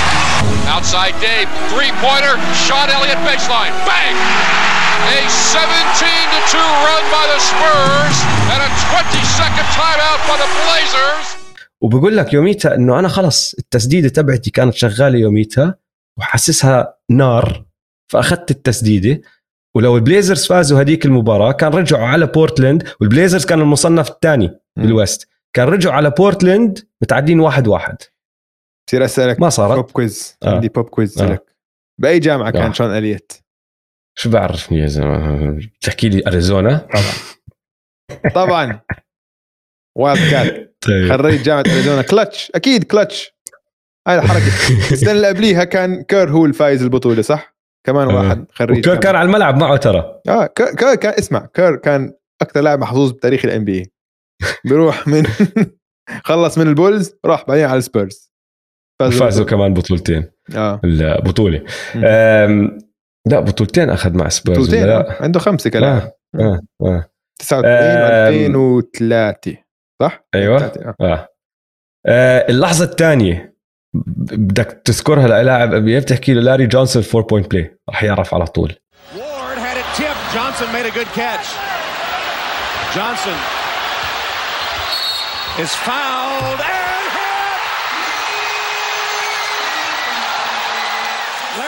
Johnson has hit his career quota of wild shots today. But now he's got to make one. And when they rushed him, he said, Leave me alone. I got to make a free throw here. The game is a long way from being over. Got it. New York by one. Timeout Indiana. لهلا على طول هاي أحلى لحظه بتاريخ يعني اذا اخر 20 سنه اخر 25 سنه أهم لحظات تاريخ النكس هم هاي لاري جونسون فور بوينت بلاي والثاني أهم والإنسانيتي. الإنسانيتي. بالضبط. لهالدرجة وضعهم سيء. لهالدرجة. لاري جونسون فور بوينت بلاي ضد الإنديانا بيسرز بنهائيات القسم الشرقي جيم 3 وكانوا خسرانين النكس بثلاث نقاط. حط ال four point play وتفول أنطونيو ديفيس فوله وحط ال free throw هو أصلا لما حط ال three صار ينطنط ويحتفل بعدين مرة واحدة مسك حاله. لا مين- مسكه؟ كريس تشايلد أظن مسكه قال هي ركز ركز. لا أنا معك أنا I'm cool I'm cool بس وقتيها بتذكر لما شفتها بتذكر على عم بحضر المباراه كانت أول مرة بشوف 3 points و score. أكيد صارت من قبل أكيد شايفها. و and 1 إنه 3 بو... آه foul score على 3 pointer هلأ بتصير كتير أكثر عشان بس في ثلاثيات أكثر كتير فالاحتمالية تصير أكثر بس وقتها ما كانت تصير. إنه ما بز... أول مرة لما شفتها إنه خف عقلي. أنا مستحيل. 4 point play 4 point play رح يجيب 4 point إنه الفكرة كانت إنه ما كانت تصير كتير هاي وخلاص بأحسن حالات حتجيب 3 points أو خصوصا points score لاري جونسون. مش إنه قناص. بس هو وقتها هذا الموسم صار يعني مش قناص بس صار صار إنه يسدد ثلاثيات أفضل بكتير. صار هيك stretch four بعرفش كيف كان الموسم غريب كل حدا صار. يعمل أشياء غريبة. حلو. طيب أمور مستخف فيها أو مبالغ فيها؟ بدي أحكي لك آه، شغلة مستخف فيها قديش كان الدوري مفتوح. إنه جد لأول مرة من يمكن 20 سنة ما كنا عارفين مين المفضل للقب. عشان نطلع على السنين اللي قبليها كان عندك عقد كامل البولز بعديها آه، قبليها كان عندك البيستنز والليكرز والسلتكس لحديت الثمانينات فأنت عندك 20 سنة تقريبا دائما في مفضل صريح ودائما في نجم كبير صريح. بعد اعتزال جوردن لسه كان مش معروف مين النجم القادم. كان في حكي إنه يمكن جرانت هيل أوكي؟ مم. كان في حكي يمكن كوبي. بعدين كان rookie فينس كارتر. في ألان آيفرسون على الشاشة بس ولا حدا كان مسيطر على الدوري. عشان لسه هلا وجوردن اعتزل بالقمة. ما استنى لحيت ما يختير ويكبر وينا- يف- وين- ويخسر. لا كان صار له ست إنه فاز لعب لعب ست مو... آخر ست مواسم لعبهم فازهم الستة. وآخر ثلاثة ورا بعض تك تك تك 98 فلما راح صار في آه، بسموها power vacuum صار في إنه مين مسيطر على الدوري؟ مين ال king مين ملك الدوري؟ فأحكي لكم بس بعض الأسماء اللي كانت اللي جد ما حد كان عنده أي فكرة. لو نطلع مثلا على ال West كان عندك شاك وكوبي لسه صغار كوبي لسه صغير عم أظن هاي أول سنة كان عم بيعمل بيكون starter بالتمبروولفز كان كيفن جارنيت لسه صغير. البليزرز كان فريق رائع الصراحة ونفس ال- نفس الفريق اللي السنة اللي بعديها خاض معركة رهيبة مع الليكرز سنة 2000 واللي غطيناها بأي حلقة step back في حلقة step back شاك to كوبي شاك to كوبي حلقة رائعة. step back آه لازم تحضر. اذا ما check توها check وها هي كانت جد حلقة رائعة. البليزرز كان عندهم ايزايا رايدر اللي هو كان فايز ال dunk contest قبلها بسنتين فكان هيك wing حلو لعبه.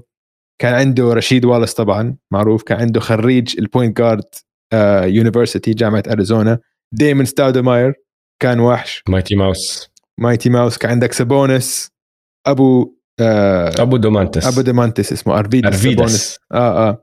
فكان فريق رائع. عندك كان آه في جيسون كيد كان عم كمان واحد من الناس اللي ممكن يسيطر على NBA مع ال مع الفينيكس سانز وين طبعا كان السبيرز مع تيم دانكن والجماعة هم بالأخير اللي فازوا. فهاي ال West عندك كل هالفرق هدول.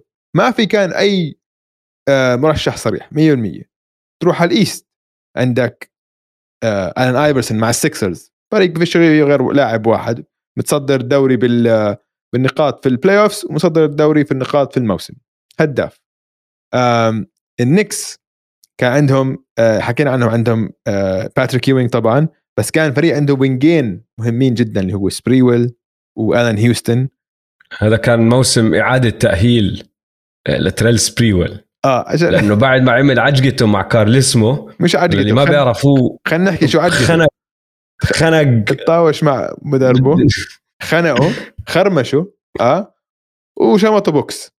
أيامها ما كان في فيديوهات. فأظن نفد منها شوي. تخيل لو كان في تم إيقافه لموسم. بس. آه بس بعدين آه هذا شو اسمه هانتر اللي نفسه تبع آه. ال CBA آه. رجعوا خمس آه رجعوا. ال- ال suspension تبعه بخمس أشهر. انعمل له trade راح على نيويورك. عمل بالضبط. بالباك كان نيويورك كتير. كان كتير حلو لعب سبريويل كان هيك slasher وكان كان كتير حلو لعبه. أنا كنت كتير أحبه. النكس لعبوا series اسطوري ضد الميامي هيت كانت واحدة من عدة آه، معارك في ال playoff رح ياخذوها بالمستقبل. آم، النكس حكينا وبالماضي. انت عم نحكي عن التسعينات. آه آه. أم وال ال ال الهيت عندك كان الونزو مورنينج كمان كان لاعب كتير مهم آه تيم هاردوي وعندك في لاعب منسي كتير OG. مين بتتذكر مين اللاعب؟ كان لعيب. كان هو مع الهيت؟ افضل لاعب عندهم. آه. هذاك الهيت جمال ماشبرن؟ جمال ماشبرن. جمال ماشبرن. جمال ماشبرن كان كأنه لاعب من المستقبل. كأنه لاعب من هلأ. إنه طوله قديش طول ما- ماشبرن كان؟ فوق 6 6 9 6 10 طويل يعني. طويل بس عنده مهارات ال guard كان لاعب جد من من المستقبل عم بيلعب بالزمن هداك. skill wise كان سقفه كتير أعلى. إنه هي underachieved كثير اظن بهاي. فهاي الهيت هلأ المفضلين بال East أنا بتذكر كانوا ال ال ال البيسرز بلا شك. البيسرز اللي السنة الماضية السنة اللي قبليها ب 98 كانوا الفريق الوحيد اللي بياخذ البولز لسبع مباريات. ريجي ميلر آه، ريك سميث جيلن روز آه، مارك جاكسون ديل ديفيس كريس مولن. كان هو الفريق كان المفروض هاي سنتهم. فالخسارة ضد آه، ال- آه، النكس كانت أكبر مفاجأة بال playoffs وخسارة بدون باتريك يوينج باتريك يوينج لعب اول مباراتين فقط A busy Knicks locker room at halftime. Mike Saunders, the trainer, talked to Patrick Ewing. He retaped his ankles. At that point, Ewing was in such pain that they called in the doctor, Dr. Norm Scott. Dr. Scott evaluated Ewing. Jeff Van Gundy asked him if he could play in the second half. They said they did not know. Just seconds ago, I asked Van Gundy if we would see Ewing. He says, I still don't know. However, Patrick came out of the locker room, the last one out, walked up and down the court, and told Coach, I want to play. فلما انصاب بعد المباراه الثانية كانت السلسلة واحد واحد. كل حدا فكر إنه خلص انتهوا النكس فيش يوينج بس المباريات اللي بعديها فازوا ثلاثة من أربعة وتاهلوا للنهائيات فهاي كانت أكبر هاي فكل هذا اللي عم موسم بحكي لكم إياه موسم, موسم غريب. إنه بدون كل ال ال ال الفوضى والعفسة اللي صارت بال lockout already كنا داخلين على موسم مش معروف بالمرة مين راح يفوز. آه. فهاي كمان زيد إنه ال out of shape وكل العوامل اللي عم نحكي عنهم صار لنا ساعة هاي كمان صار عندك واحد من آه، أصعب العشوائية. آه العشوائية. العشوائية. العشوائيه, آه العشوائية ضربت بالسما. فهاي أنا عندي ثلاث شغلات مستخف فيها وشغلة مبالغ فيها. راح ابدا بالمستخف. شغلة ال max contract قديش لعبت براس اللعيبة ترى. ماشي؟ بعد ما زادوا عليهم إشي اسمه ال max contract. ضربت بال egos تبعتهم ماشي؟ لأنه اللعيبة صاروا كيف يطلعوا عليها؟ إنه إذا الفريق ما بيعرض عليه max contract عم بق... عم بقللوا أدبهم عليه للاعب آه. علي؟ وفي لعيبة صارت تقارن العقد تبع هداك إذا هداك بيجي max أنا لازم يجيني max. وإذا ما إجاني max راح أزعل منك. فصفى فيها زعل. قبل ال max ما فيها الكلمة اللي انت قاعد تحطها جنب عقد وخلص كل لاعب عم بندفع له حسب الرأي تبع إدارة الفريق اللي عم تعرض عليه عقد. انت بتستاهل كذا. مرة واحدة صار في max contract وكتير خربت لعيبة. وانت قبل شوي جبت سيرة مين؟ ال Minnesota Timberwolves مع جارنيت و ماربري ولقيت لك شغلة حكاها فولك اللي هو نفسه ديفيد فولك اللي جبنا سيرته اللي كان وكيل أعمال جوردن وايوينج وغيرهم كان وكيل أعمال ماربري يقول لك ماربري اجاني ماشي؟ بعد سنته الثانية وقال لي أنا بدي أوقع معك. بعدين صار في شيء اسمه max contract. وماربري ما قدر يتحمل فكرة إنه جارنيت راح يربح أكثر منه. لأنه حتى لو أخذ ال max ما راح يوصل لعقد جارنيت. بقول لك هو براسه هذا فولك اللي عم بيحكي he thought he was better than Garnett هو كان يفكر إنه هو أحسن من جارنيت بعدين بكملوا هاي اللي فرطتني ضحك. نفسه ديفيد فولك بيقول لك He's probably the only person in the world who thought that هو الزلمه الوحيد بكل العالم اللي مقتنع بهذا الإشي بس ماربري وهذا الفريق اتفرقوا من وراء هاي الشغلة بنص هذا ال max الموسم. لعب براسه صح بنص هذا الموسم فلعب براسه ال max وطلع خلص قال لك بديش فهمت علي؟ فراح على ال Nets صح ولا لا؟ على ال Nets بعديها آه. بنص الموسم يعني. بموسم آه، اللي يعني نحكي عليك. عنه بنص الموسم لعب نص الموسم مع آه مينيسوتا 18 مباراة بعدين لعب آخر 31 مباراة مع ال Nets يعني مع ال Nets كانت هاي صدمة بالنسبة له إنه عشان كان هدول الثنائي كان رائع رائع. إذا ما احضروا ارجعوا شوفوا ماربري جارنيت highlights بال Timberwolves كانوا رهيبين وكانوا perfect لبعض. Marbury breaks down the defense again. There's the power rip. And the T-Wolves يعني بس ما قدر. max contract لعبت براسه. وكان الحكي إنه وقتها كان نتذكروا مين كان اللي مسيطر غير مايكل جوردن؟ ستوكتون مالون هاي ال1 2 combo فهم كانوا عم إنه مفروض يكونوا النسخه ال improved ال athletic اللي لياقتهم على مالون. تبعت ستوكتون مالون عندك ال point guard الرهيب ماربري وعندك ال future ال power forward كيفن جارنيت كان المفروض يكونوا النسخة الجديدة من بس ما زبطتش man تخيل. ما زبط ما بصدق هذا إنه راح. ماربري طاقع طول هلا هو. طلع طاقع ما كناش عارفين إحنا قديش طاقع طلع هو ولا حبة. أم، أم، ع سيرة جارنيت شغلة كمان مستخف فيها. قديش عقده هذا أثر على ال lockout هو اللي خرب الدنيا عقده. هو اللي خرب الدنيا. عقده خرب الدنيا. بشهر 10 1997 يعني بعد ما دخل على الدوري بسنتين وقع عقد مدته ست سنين ب 126 مليون دولار مع ال Timberwolves. م. كان أعلى أغنى عقد من ناحية مبلغ إجمالي توقع بتاريخ الرياضة. ما عم بحكي بال NBA بتاريخ الرياضة. الرياضة كلها. بالرياضة كلها. أيامها ما كان في عقد موقع أغلى من هذا العقد. لا كرة قدم ولا American football ولا ولا شيء ولا شيء ولا لا إشي. جولف لا ولا. بيسبول ولا شيء ولا حد قرب عليه. هون ضربت براس الملاك آه، قالوا قال لك لا لهون وبس. وين رايح؟ شو عم تعمل؟ لا وكيفن ف- جارنيت كان من لعيبة طالعين من من ال high school اللي هي مشكلة. ثانية كان عندهم ال... واحدة من المشاكل اللي كان عندهم إياها ال- ال owners إنه بدهم حد أدنى للاعمار ف هاي بعدين إجت ترى أم، بس من وقتها كانوا من- مش. عاجبهم. آه بس صاروا يفكروا فيها آه أنا مش عاجبهم. إنه في أولاد صغار عم بدخلوا آه. 18 سنة بدخلوا بياخذوا ملايين مئات الملايين أم، وآخر شغلة مستخف فيها اللي هو السبيرز وقديش كانوا مستاهلين هاي البطولة وراح أحكي لك ليش ماشي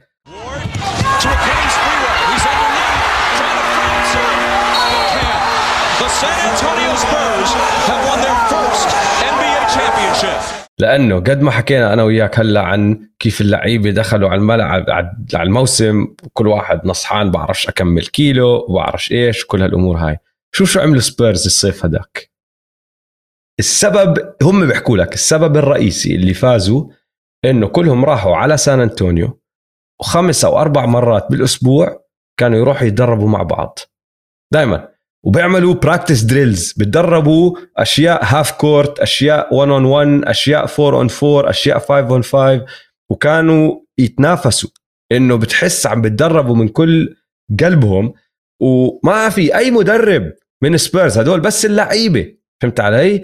بيقولوا لك مرات كانت تزيد درجه التنافسية بين بعض إنه باخذوا break وبرجعوا بعدها بساعتين لأنه عم بتحمسوا كثير وراح يدقوا ببعض. وهذا على الملعب. عم بتدربوا. بيقولوا لك غير هيك على سبيل المثال لما كانت النقابة تحكي مع كل اللعيبة كل اللعيبة كانت تدخل على conference call كل واحد عم برن من محله وين ما هو يكون بالعالم مم. قاعد برن وبسمع. هم كلهم كانوا يتجمعوا وبدخلوا على هاي ال call كفريق واحد. فالفرق بينهم وبين الناس التانيين إنهم ضلوا يتدربوا مع بعض من بداية ال lockout لنهاية ال lockout فلما دخلوا على الدوري هم دمروا الدنيا. هديك السنة بالموسم الاعتيادي في 50 مباراة زائد ال playoffs بس كانوا متعودين على بعض ما كان في حدا out of shape ما كان في حدا لياقته نازله قد ناس تانيين. ومع إنه بداية الموسم ترى كانت صعبة. يعني بدأ الموسم بست انتصارات وثمان خسارات وكان في حكي إنه جريك بوبوفيتش ممكن يخسر شغله إذا خسروا المباراة اللي بعدها اللي كانت ضد هيوستن.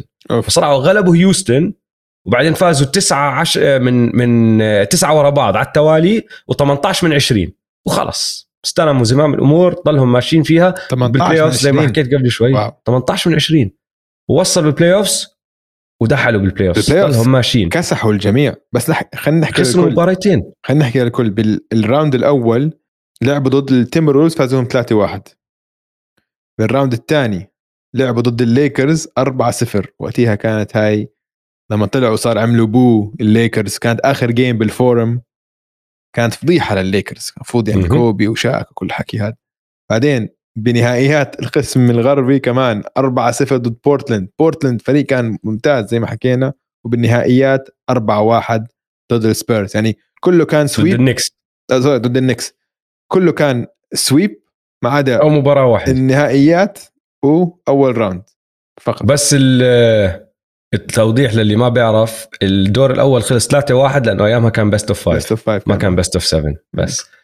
آه، فهاي كتير مستخف فيها الشغلة إنه هم الفريق الوحيد اللي دخل على موسم جاهز. ومشان هيك كسحوا الكل. مبين. آم، عندي شغلة واحدة مبالغ فيها. إمتى ما تقرأ أو تسمع عن هذا اللوك أوت؟ دائما خصوصا لما تقرأ أشياء طلعت أيامها. دائما راح تشوف كيف الإعلام بيقول لك إنه الملاك فازوا. انتصروا على اللعيبة. إنه ديفيد ستيرن هو اللي فاز على بيلي هانتر.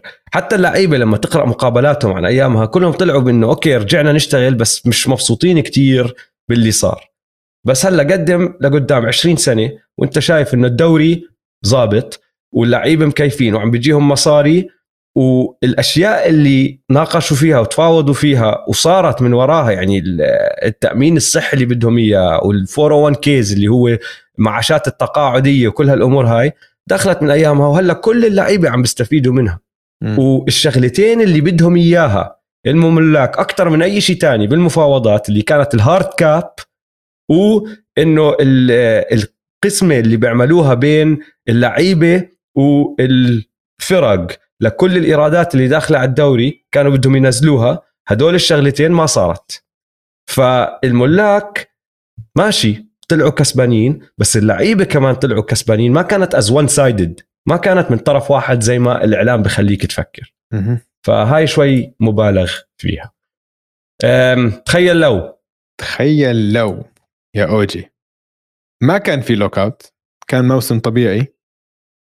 كان مايكل جوردن ما اعتزل كان في احتمالية كبيرة كبيرة إنه مايكل جوردن ما اعتزل آه. مايكل جوردن ما اعتزل لحديت ما بعد ما أعلنوا إنه الموسم راح يرجع. راجعين. إنه بشهر واحد. شهر واحد كان فايز البطولة بشهر ستة. فاستنى ست أشهر. فكان لسه عم فكر الموضوع. كان بده يلعب. كان جاهز عشان عارف إنه قال لك إنه شاف الجدول شاف 50 مباراة ب 90 يوم قال لك سلام سلام حلوا عني. ممكن ممكن بس كمان جزء تاني إنه ما كان في فريق بيقدر يدفع الراتب تبعه. ما كان في محل ما كان في فريق بده بتح... بتحمل الراتب تبع مايكل جوردن. ف آه. بس تخيل لو ما كان في هاي المشكلة كان ممكن شفنا مايكل جوردن كمان سنة سنتين بيعزه بفوق. ما عم نحكي عن الويزردز مايكل جوردن بعد ثلاث سنين. عم نحكي عن مايكل جوردن اللي فاز ثلاثة ورا بعض. أوف. آه، تخيل. أعطيك قصة صغيرة عن مايكل جوردن عطني. بالصيف هداك. آه، في نادي اسمه استوديانتس مدريد أوكي. باللوك أوت راحوا لعند جوردن وعرضوا عليه 12 مليون عشان يكمل معهم آخر أربعة أشهر من الدوري تبعهم الاي سي بي اسمه. أوكي. هلأ هو فكر بالموضوع بقولوا لك فكر فيه ليش؟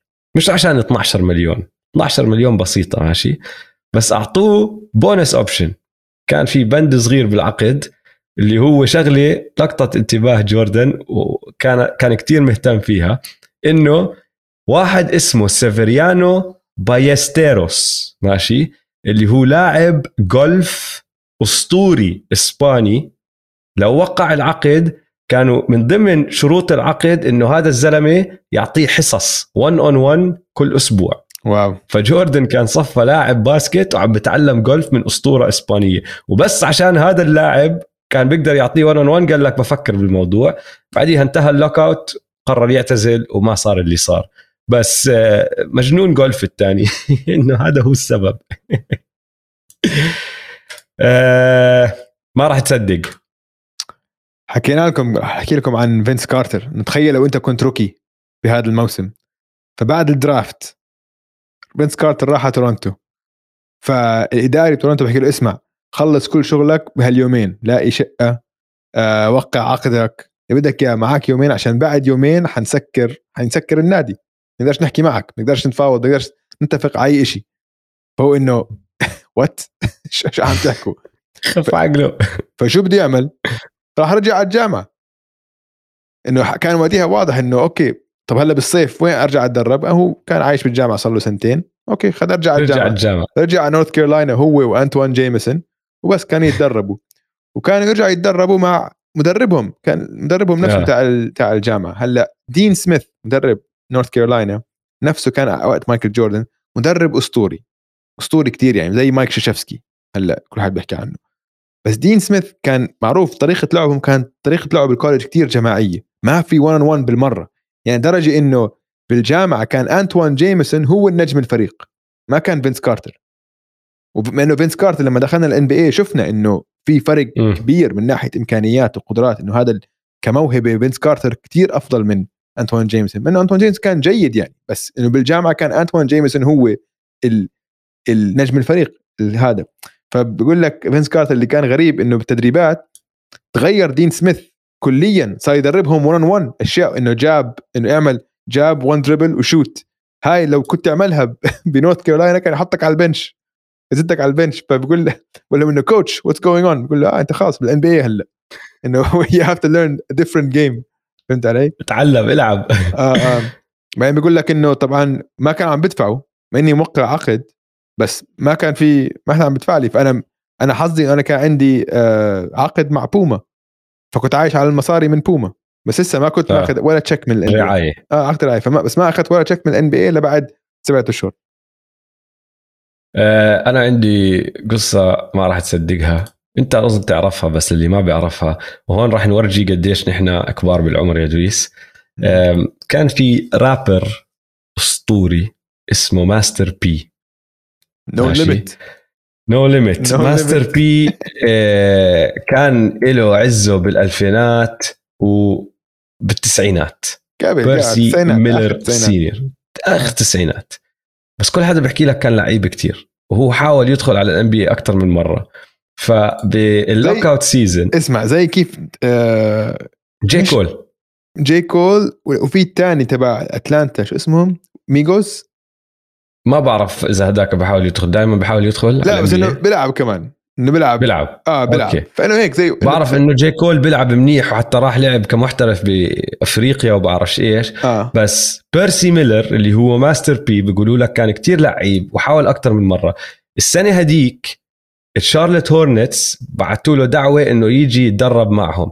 وكان يجي يتدرب كل يوم وماخذها جد كتير كتير كتير كتير ماخذها ولما كانوا يروحوا يلعبوا المباريات تبعتهم الجمهور ينزل هتافات بدنا Master P بدنا Master P بدنا Master P فهو كان جايب لهم الجمهور مع انه ما عم بيلعب بالموسم وما صار لاعب NBA ما وصل للفريق بس جاب لهم الجمهور exhibition on tonight's schedule that might interest a few fans in Baton Rouge. Country Club of Louisiana resident Percy Miller going by his given name tonight when the Charlotte Hornets suited up with Master P in the lineup, a, a preseason action against the Atlanta Hawks.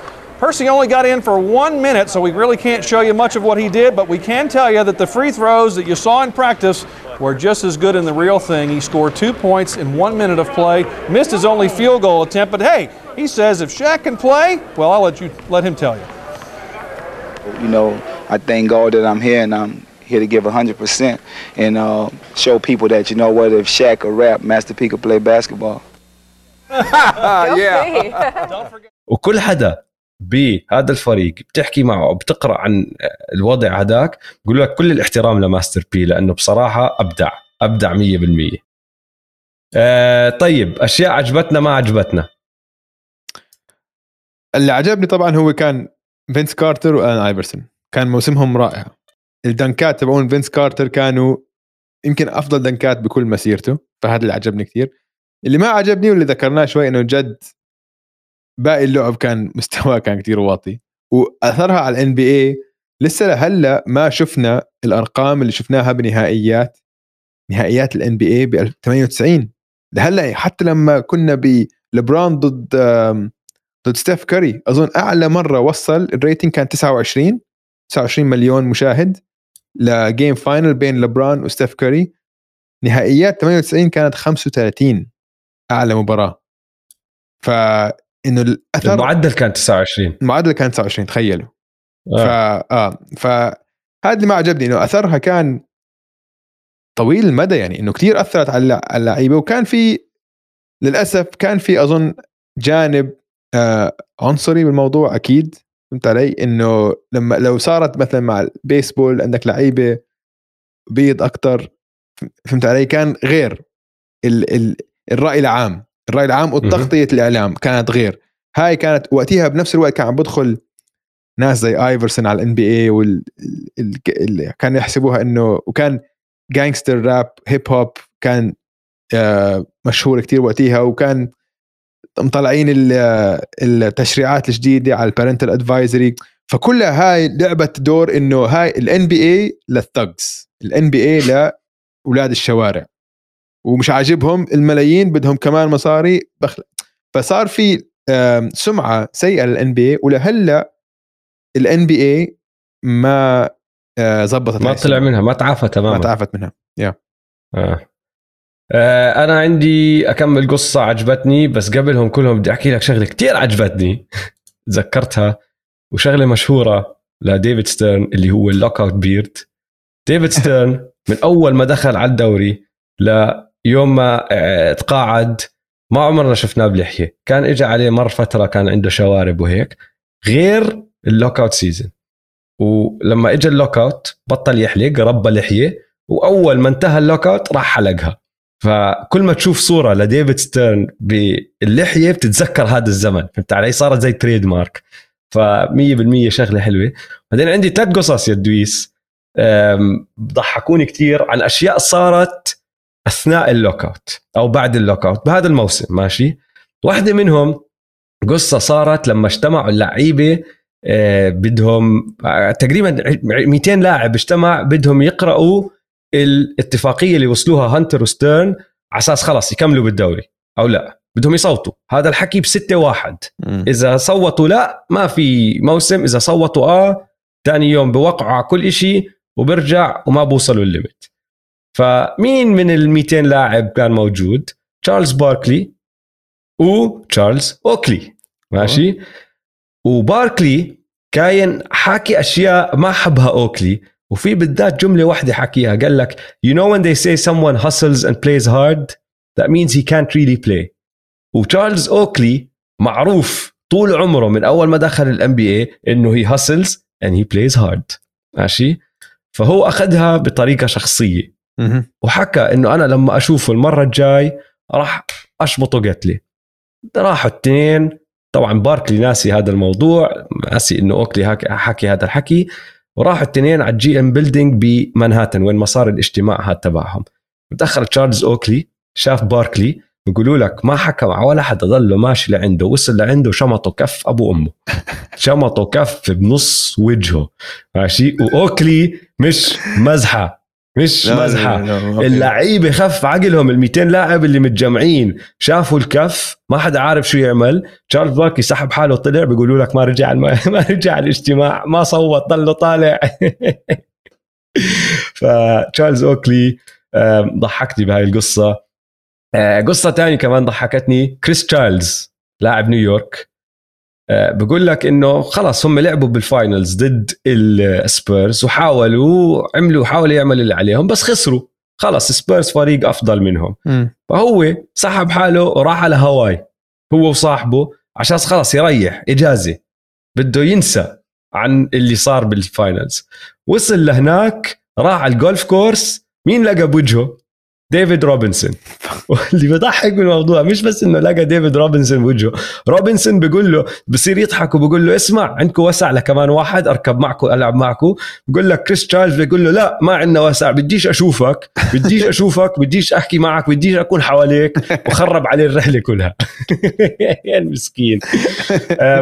وآخر قصة مين أكثر لاعب انضحك عليه أو انضحك على منظره؟ مش انضحك ضحكوا الناس على منظره وضحكوا عليه بعد ما رجع على آه، من بعد ال lockout واحد قريب كتير عليك يا دويس. مم. أتذكر. شون كيمب. شون كيمب. شون كيمب أيامها كان يلعب مع الكليفلاند كافز. بيقولوا لك رجع زايد وزنه 35 pound صار طابة. آه. لما المدرب يسأله ليش أنت هيك صار فيك؟ بقول له coach I didn't think we were coming back. عبلاطه يا مدرب ما ما ما ظنيت رح نرجع نلعب فصار اللي صار. منظره بتقدروا تشوفوا الصور يا جماعة. آه شوف شوف ال before. After طول عمره هو كان نحيف وبيطير ضحك. مرة واحدة صار. صار بانس. آه طيب. اللقطة. اللقطة يا أوجي. أعطينا اللقطة. اللقطة. عادة نحن بنحاول في- نلاقي فيديو أو صورة أو إشي بس هالمرة آه. عندنا مقولة. المرة عندنا مقولة لأنه مقولة كتير بتنفع وكتير صح وكتير خلص. يعني مية بالمية جابها اللي هو ديفيد فوك اللي حكاها. لما يسألوه عن ال lockout والموسم اللي بعد ال lockout حكاها بست كلمات سبع كلمات. بيقول لك The whole thing was an unmitigated disaster. الشغلة كلها كانت كارثة من فوق لتحت. بس. هو مية بالمية اللي حكاه أسوأ موسم بتاريخ الدوري. Mic drop. Mic drop. ولهون بنوصل لآخر الحلقة. إن شاء الله عجبتكم حلقة اليوم. لا تنسوا تتابعونا على مواقع التواصل الاجتماعي at m2m underscore pod. وتابعوا حسابات استوديو الجمهور at استوديو الجمهور. يلا سلام. يلا سلام.